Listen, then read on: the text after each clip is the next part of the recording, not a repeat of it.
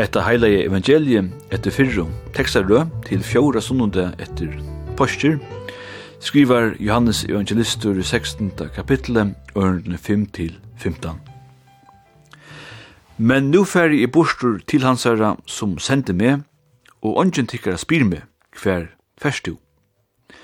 Men jeg tror at jeg har tale hetta til tikkara, hever sorgfyllt hjärsta tikkara. Men jeg sier tikkun, sannleikan, Det er tykkene gagne er at det færre bostur. Tui at færre ikkje bostur kjemur talsmæren ikkje til tykkara, men færre bostur skal senda han til tykkara. Og tui han kjemur skal han sannføra heimen om synd og om rattvise og om dom. Om synd er tui at heir ikkje tryggva av meg, om rattvise er tui at jeg færre til færen og tid så kjem ikkje langkur, men om dom er til at høvdingen i hessen heime er dømtur. Enn hei vi nekv at sia tikkun, men tid er ikkje mentir a bera ta nu. Men ta og en kjemur sannleikas ante, ta skal han velja tikkun til atlan sannleikan. Ty at han skal ikkje tala av seg sjolvun, men hver som han høyrer skal han tala, og te som skal koma skal han kunngjøre tikkun, han skal durmeta med, til at han skal taka er munnen og kunnkjera tikkun. Alt det som feiren hevur er mutt, tui segi er at han tekur er munnen og kunnkjer tikkun. Ein så i pratikoteksten til seinasta sunnu det, er vi støtt i 16. kapitlet i evangelien etter Johannes. Det er skuris kvöld og Jesus fire reikarsvinar, lærersveinar til det som skal henta degin etter lenga frutja det. Degin han skal tekast av døvun. Onkur hefur sagt at mian te trui fyrstu evangeliene i Nudja testamentet, te så nevnt og sy noptisku evangeliene, te vil sia te ui lujast sia nekv, te snikka sig om Guds rujtje, så snur te fjore evangelie til etter Johannes se om Jesus sjolvan. Og i kapitlen 14 til 16 tja Johannes finner vi en rød av farvel talon og tema er fravera. Men ikkje en heilt vanlig fravera tog nærveran skal koma vi talsmannen.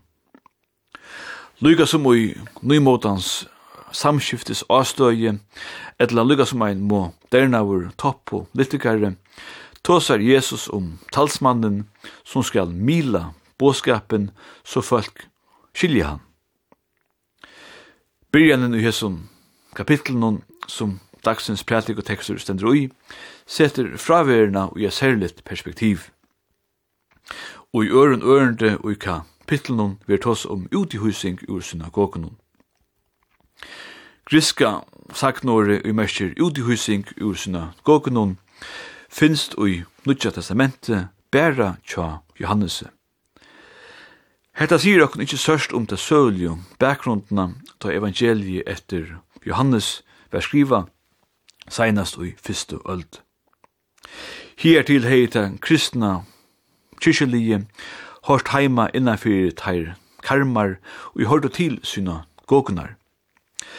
Men etter år halv fjers etter Krist, ta templi og i Jerusalem ver fatle, brøtte støvan tja jötnun, og her vi eisne tan innara disiplinen tja jötnun.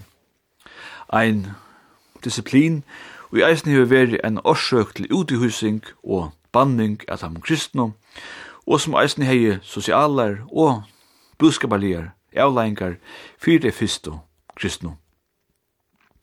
Det er eisen i hese støvende at den kristna von kyrkjan finnes hun samleika.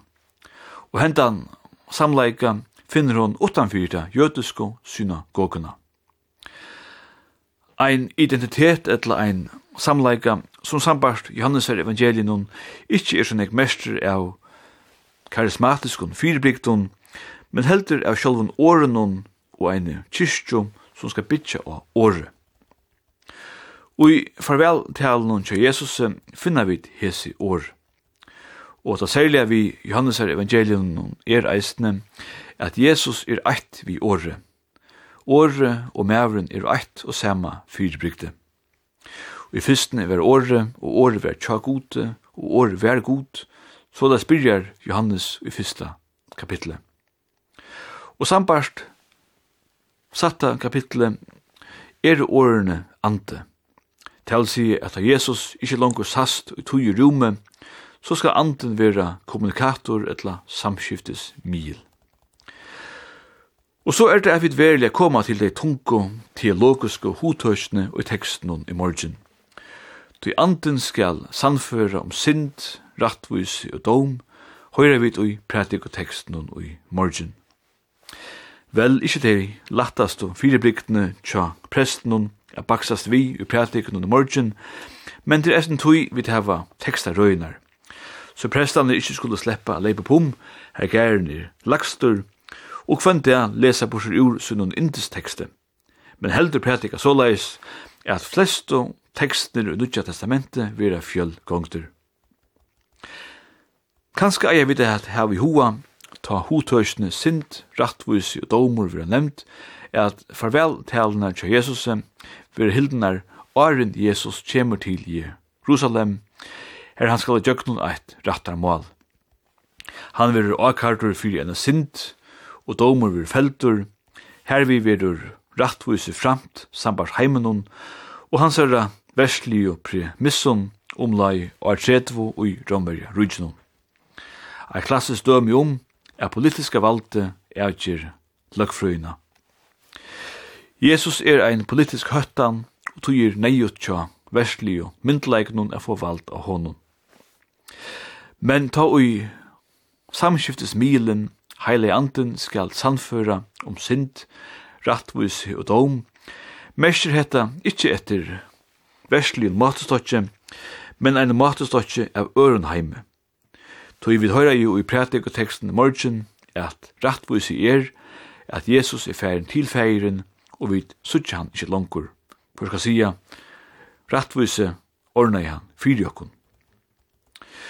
Åre sind, sikst er vera i 80 åre sund, altså nek og skiler tver otjar etla landspartar sundur, til si at vi at sikva kan talsmævren sannføre okkun om hetta, og vi kunne kjenne okkun elska, og lære okkun å elska okkara nasta og medmennesko.